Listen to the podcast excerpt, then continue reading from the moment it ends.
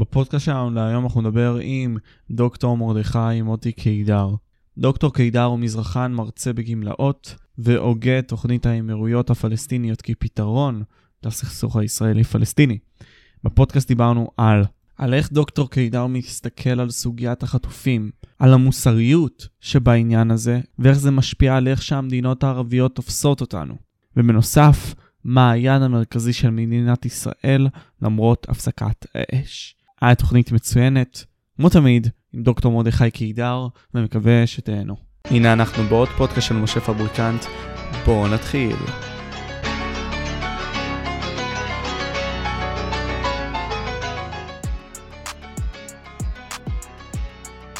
טוב, אני ודוקטור קידר פה בשיחה שנייה, אנחנו לא הולכים להגיד אחד לשני שוב פעם שלום, אבל אנחנו מעריכים את זה שיש פה את השיח הזה, ובואו פשוט נתחיל אותו, אני חושב. אה, דוקטור קידר, אתה היית חלק מיום כיפור, אה, ממלחמת יום כיפור, כן? היית ביחידת 8200, היה לה שם אחר באותה תקופה, ממה שאני זוכר, נכון? 848. 848, נכון? ואתה חווית את המלחמה הזאת, גם אמרת באחד הראיונות שלך ש... הרגשת בשטח שיש איזשהו איום, והלכת לאחד השרים בעצם עד לבית שלהם, והזעקת בנוגע לכך שיש משהו לא בסדר, כן? לפני, כמה, כמה זמן לפני לא, המלחמה? לא, לא, לא, לא. אתה, אתה, אתה, אני מבלבל. אתה אומר שני אירועים. אוקיי. אה, מלחמת יום כיפור הייתה בשנת 1973. אוקיי. אז אני הייתי סמל ראשון, נכנסתי לקבע במלחמה, והייתי תורן, תורן לילה, במפקדת 8200, קיבלנו את החומר מהבסיסים וטיפלנו בו, וראינו חומר שהמשמעות שלו הייתה רק מלחמה. לא, לא, לא, לא, לא ידענו את השעה שהיא תפרוץ, אבל זה ממש היה, מל... ממה שראינו, המלחמה על סף הבית. אה, קראנו למפקד שלנו, של המחלקה שלי, אה, משהו זה היה שתיים בלילה, משהו כזה. אה, הוא הגיע, ראה, ראה את החומר, הסתובב אחורנית והוריד מהמדף את ספר המלחמה. מה זה ספר המלחמה? הספר שאנחנו כותבים בזמן רגיעה, איך אנחנו נתפקד בזמן מלחמה, כמה אנשים במשמרת, הסעות, אה, כל מיני דברים שקשורים לאיך להתנהל במלחמה, עושים את זה, מתכננים את זה בזמן שקט, במלחמה אתה מפעיל את זה ומקסימום אתה, אתה משנה פה ושם לפי התנאים, אבל לפחות הבסיס קיים כדי לא לשכוח כל מיני דברים. אז כשאני יצאתי ביום שישי בבוקר, ערב יום כיפור, אה, הביתה, לישון אחרי מי יודע כמה שעות משמרת, כבר היינו במצב של מלחמה. זאת אומרת, 8200, היחיד, יחידת האיסוף, הוכנסה למל, למצ, למוד מלחמה אה, לפחות 30 שעות לפני המלחמה. ידענו שהולך מלחמה. וואו. המידע לא חלחל למעלה, זאת אומרת, הגיע עד אמן מחקר, שם הוא נתקע, ולא הגיע לשרים, ולא הגיע לגולדה, כשזה הגיע אז כבר היה מאוחר מדי.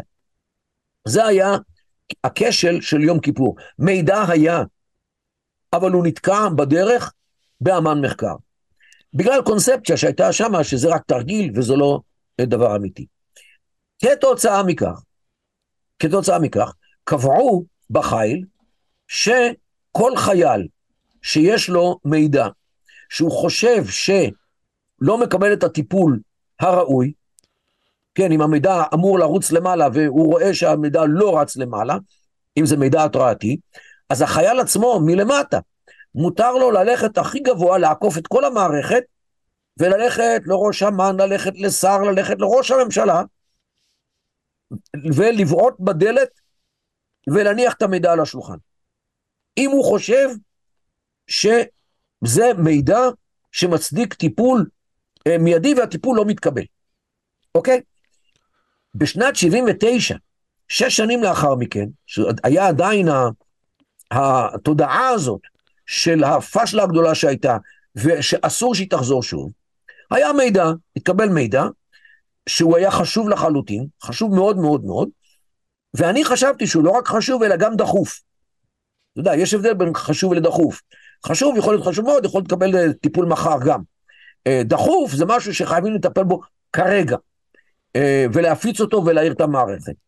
וזה היה דבר שאני, לפי השיקול דעת שלי, כאיש איסוף, חשבתי, ידע, ברור שהוא חשוב, אבל אני גם חשבתי שהוא דחוף. הלכתי לתורן אצלנו, נתנו לו את זה, נתתי לו את זה, הוא קרא, הוא אמר, בסדר, זה נורא חשוב, אבל זה לא דחוף, בואו נחכה לבוקר ונוציא את זה בבוקר בצורה מסודרת והכל, לא, לא בלילה על ידי תורנים. ואני חשבתי שזה לא בסדר. לקחתי את המידע ונסעתי לבית של אה, עזר ויצמן, שהיה אז שר הביטחון, זה היה ב-79, 1979. דפקתי לו בדלת, הוא בא עם פיג'מה, ופתח לי, ונכנסתי, ואמרתי לו מי אני ומה אני ומה, והראיתי לו את, את, את, את המידע, והוא הרים טלפון, אז לא היה טלפון סלולרי, כן? טלפון קווי. טלפון קווי. מרים טלפון לבגין, אומר לו מה שאומר, שמע מה שאמר, אמר תודה רבה, אה, לחץ את ידי והלכתי. אה, כן, למחרת כמובן כל המערכת ידעה את זה, ושאלו אותי מה הקטע, אה, ובאמת הזמין אותי גם מפקד 848, או לא, אז כבר היה 8200, לשיחת בירור, לא, לא בשביל לצעוק עליי, אלא בשביל לברר מה, מה, מה הלך פה. וגם ראש אמ"ן אה, בזמנו הזמין אותי לדבר הזה, לבירור, אבל לא כעסו עליי, כי הם כולם הבינו, כולם ידעו שזה לא רק זכותי, זו חובתי. כי חשבתי על פי שיקול הדעת שלי שזה לא רק חשוב אלא גם דחוף. ושמעו, ובסדר. קידמו אותי לאחר מכן, אז הייתי סגן או סרן צעיר, אה, לא זוכר. אה, קידמו אותי לרב סרן ולסגן אלוף והכל, וכן, ברוך השם, הייתי עוד הרבה זמן אחר כך. אה, ואף אחד לא טען אפילו לרגע אחד שעשיתי מעשה לא נכון, שרצתי, גם, גם אם לא הסכימו איתי. ובסדר, הרבה לא הסכימו איתי, אבל הם ידעו להבדיל בין לא להסכים לבין לה, להצדיק את מה שאני עושה, אם אני חושב שזה דחוף. כן. למה? כי זה מה שהיה אז במלחמת יום כיפור. לכן... אה, זו התנהגות טובה, כאילו תפיחה על השכם בנוגע לזה, לעודד עוד את ההתנהגות הזאת, כן, כן, כי, כי אם היו נגיד אה, נוקטים נגדי צעד, לא מקדמים אותי או מסלקים אותי או לא יודע מה, אז אחרים היו אומרים, תראו מה קרה למי, ש, אה, למי שחשב שמשהו דחוף והוא טעה. נגיד אם גם אחרים חשבו שטעיתי, לא חשוב, היו, היו אנשים שהצדיקו את זה לחלוטין, לחלוטין, לחלוטין, שהיו, שהיו עושים אותו דבר בדיוק. הרבה מאוד. אה, אה, האמת, נדמה לי שמפקד 8200 אז אמר לי, אם הייתי חושב שזה דחוף, הייתי עושה אותו דבר בדיוק. טוב שעשית את זה, כי חשבת שזה דחוף. אתה מבין, המערכת יודעת להבחין בין חשוב לדחוף. אז אם מי שמ... ולכן אני אומר ש... שכך צריך להיות. ו- ולאן זה לוקח אותנו? לתצפיתניות עם ירון אברהם. אני, התצפיתניות שראו מה שראו, וזה לא רק התצפיתניות, היו גם חיילים שראו וצילמו כל מיני תרגילים שהיו שם. ומה קרה? לא היה להם כתובת להעביר את הדבר הזה מעבר לדיווח הרגיל ביומן הפעילות. עד לכך שמה שדווח בחדשתות 12 כמדומני, כן. אה, אה, אה, אברהם. ירון אברהם. ירון אברהם פרסם שה... כן, החיילות דיווחו לאיזשהו קצין גבוה בגזרה, והוא איים עליהם שאם עוד פעם יגידו את הדבר הזה, אז יעמידו אותם למשפט. עד לכך לא מוכנים לשמוע, לשמוע את הדבר הזה. והוא דיווח על זה, ואני אומר, למה אין טלפון שכל חייל וכל חיילת שרואים איזשהו משהו שהוא לא שגרתי, והם חושבים שזה לא רק חשוב, זה גם דחוף, בוודאי אם זה חשוב, גם אם זה לא דחוף, והן רואות שהטיפול בסיפור הזה לא רציני, לא נכון, לא מתקדם, הן צריכות שיהיה להם את היכולת להרים טלפון בין אם זה לראש הממשלה או ללשכת ראש הממשלה, או בין אם ללשכת שר הביטחון, או ראש אמ"ן, או ראש מבצע, אני יודע מה, שימצאו את המקום שבו יש מי שידבר איתם, שישמע את זה, ויציף את, ה, את מה שהן מוסרות למי שיכול למתוח ביקורת על מי שחושב שזה לא בסדר. אה, שזה, שזה לא דחוף ולא חשוב. כן? כן. מי שיכול לבקר את המערכת ויכול לגרום לה לחשוב שוב לשם זה צריך להגיע מידע. ותראה, בעקבות מלחמת יום כיפור גם קם באגף מחקר של חיל המודיעין אה, מה שנקרא יחידת הבקרה. זה מה שקראו לו בלשון עמך איפכא מסתברא.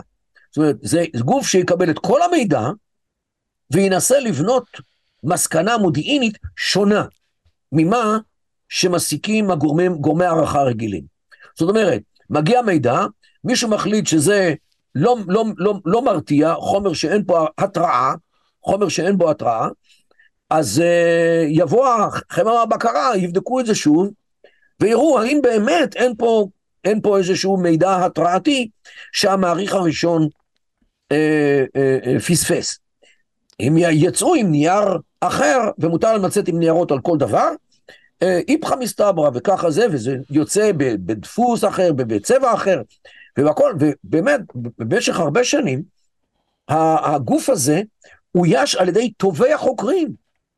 טובי החוקרים ישבו שם, כי התפקיד שלהם היה לפרום את מה שטובי החוקרים האחרים אה, אה, אה, קבעו, או ניסיון לפרום, כדי לראות האם אין אפשרות ל, ל, ל, לפרש את המידע באופן אחר שהוא יותר מסוכן ממה שמפרשים הראשונים. אוקיי, כדי ליצור, לסגור את כל הפרצות אה, בהערכה או בעבודת המחקר של אגף המחקר.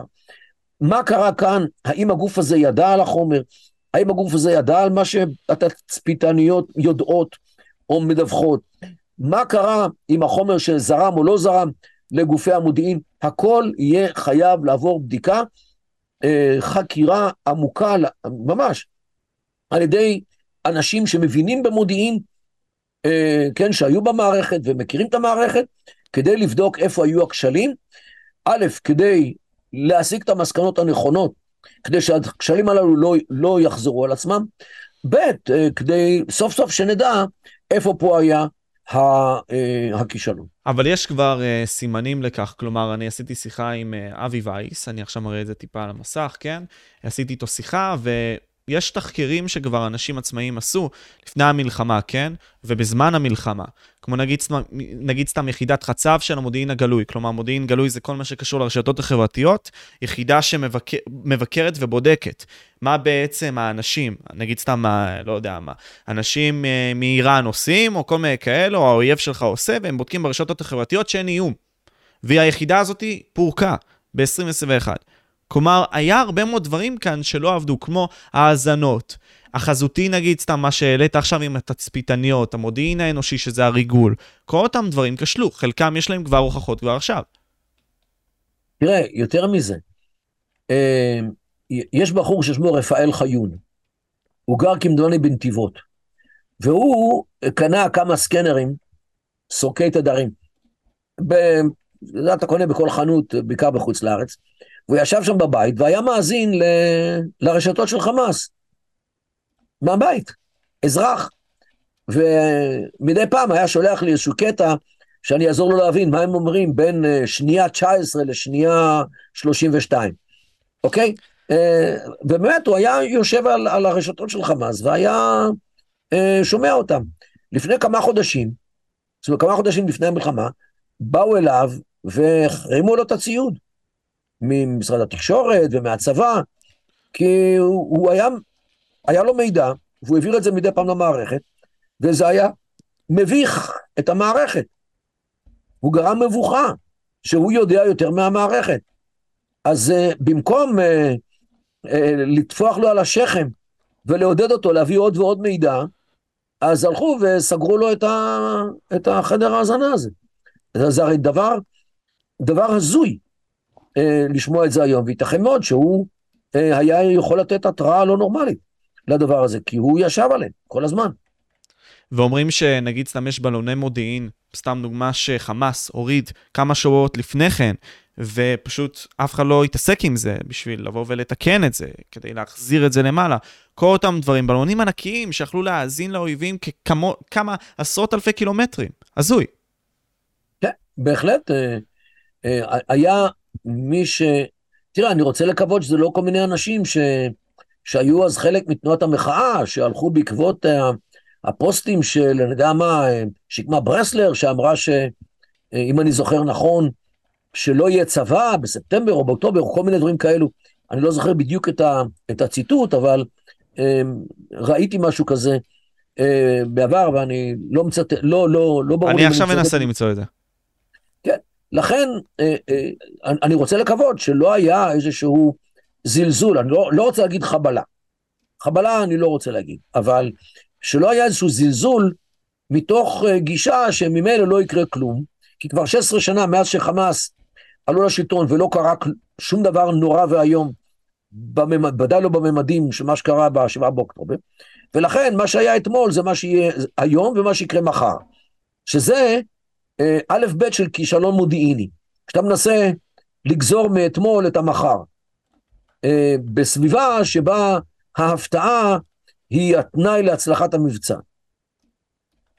אבל מה, ש, מה שאני רואה פה, ואתה נגעת בזה, רצית לא להגיד, נגיד סתם שזו הייתה בגידה, יכול להיות פשוט השאננות הזאת, בגלל, יכול להיות גם, מה שאולי אפשרי להגיד, בגלל שהתרכזו באויב אחר, אויב פנימי, מאשר אויב חיצוני.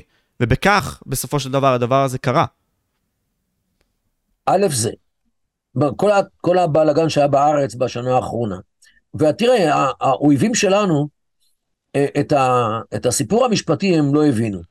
באמת, לא הבינו על מה פה מתקוטטים. אבל מכתבי טייסים שהם לא הולכים להתנדב, ולוחמי הסייבר, ולוחמי הסיירת הזאת, והסיירת ההיא, ו-8200 האלו, והלוחמים האחרים, שכל פעם אה, פרסמו מכתב שהם לא הולכים להתגייס, או לא הולכים להתנדב, את זה הם הבינו. אז האם אנחנו הולכים... את זה האויבים שלנו הבינו היטב. למלחמת וכל כזה מכתב ניפח להם את בלוטות הג'יהאד. עוד ועוד ועוד. נכון שבפועל, בסופו של דבר, אחרי שבעה באוקטובר, כולם מתנדבים וכולם באים. אבל את הנזק עד השישה באוקטובר, כולל המכתבים הללו עשו, ללא ספק. נכון שהיו גם דברים אחרים שתרמו לכישלון, אבל המכתבים הללו, ותראה, אה, אה, אני, אני הרי חבר בתנועת הביטחוניסטים. אמת. ואנחנו פנינו, התנועה פנתה פעם אחרי פעם אחרי פעם אחרי פעם לתנועות המחאה, חבר'ה, תעשו מחאה כמה שאתם רוצים. את הצבא תעזבו. יאיר לפיד ישבו, אה, ומעכשיו יגדרו את גבולות הגזרה עם פשרה טיפה כזאת. אוקיי, מה אמרת? סליחה? את הצבא תעזבו. אל תכניסו את המחלוקות הללו לצבא, אין לנו צבא אחר. הצבא הוא של כולנו, הצבא מגן על כולנו, אתם מקעקעים את יכולת ההרתעה, אמרנו לה את זה במפורש פעם אחרי פעם אחרי פעם, והם המשיכו לקעקע את הצבא. וזה מה שקרה עד השישה באוקטובר. ואת האחריות לקעקוע ההרתעה, את זה אף אחד לא ייקח מהם. הם אחראים על זה. נכון שהיו, וביביבי, וכל מה, היו כל מיני אחרים אחרים, אחראים אחרים לקונספציה הגדולה, והכסף והכל. אבל למיטוט ההרתעה של הצבא, את זה אף אחד לא יכול לקחת מתנועת המחאה.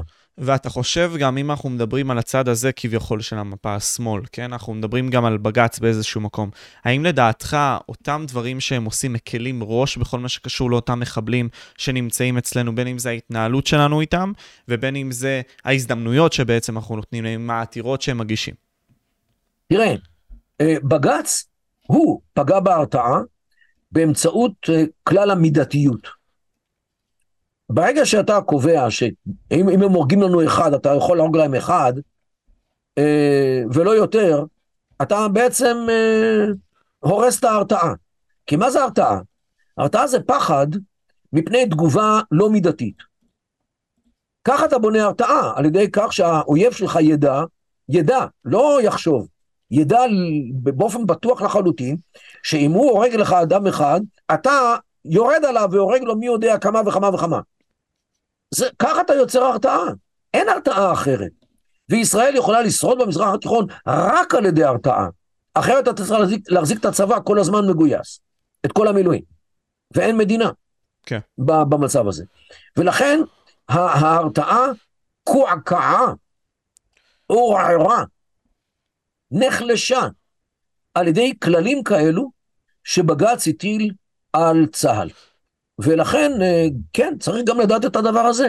וכל מי שגרם לזה, כמו כל מיני ארגונים שעתרו אה, כנגד התגובה הלא מידתית אה, מול מה שקורה בעזה, הם אלו שגררו את, את בג"ץ לנושא הזה, ובג"ץ כנראה גם לא ככה אכפת לו להיגרר לעניין הזה כדי להעניק לישראל תדמית ליברלית, נחמדה, יפה, טובה, דמוקרטית, כאשר הוא לא הבין שמאחורי כל הדברים האלה עומדת תדמית של חולשה. וחולשה, שוב, מנפחת את בלוטות הג'יהאד אצל אויבינו. עם זה נסיים, דוקטור קידר היקר. תודה רבה לך שוב על אותם שני שידורים. בוא נקווה, בוא נקווה שגם הפסקת האש אה, לא תחליש את הנחישות של עם ישראל להגן על עצמו גם במחירים קשים, כי זה הדבר היחיד שיכול אה, אה, לאפשר לנו לשרוד באזור כל כך אלים, כל כך עצוב, כל כך מסוכסך, כמו המזרח התיכון. וכאן אני רוצה להגיד לך עוד משהו. העולם הערבי עמד מנגד, ולא היה אכפת לו, כאשר באסד, בסוריה, אסד אה, הרג שם מיליון בני אדם. אף אחד לא יודע. אה, כשאיראן ועיראק נלחמו בשנות ה-80, נהרגו מיליון בני אדם בשני הצדדים. מי היה אכפת לו? מישהו היה אכפת לו, ובתקופה האחרונה שבעיראק, ועם הסיפור עם הכורדים והיזידים, כן, ובלוב כשנהרגו אה, עשרות אלפים, לא מאות, בסודאן, בתימן, העולם הערבי לא אכפת לו חיי אדם.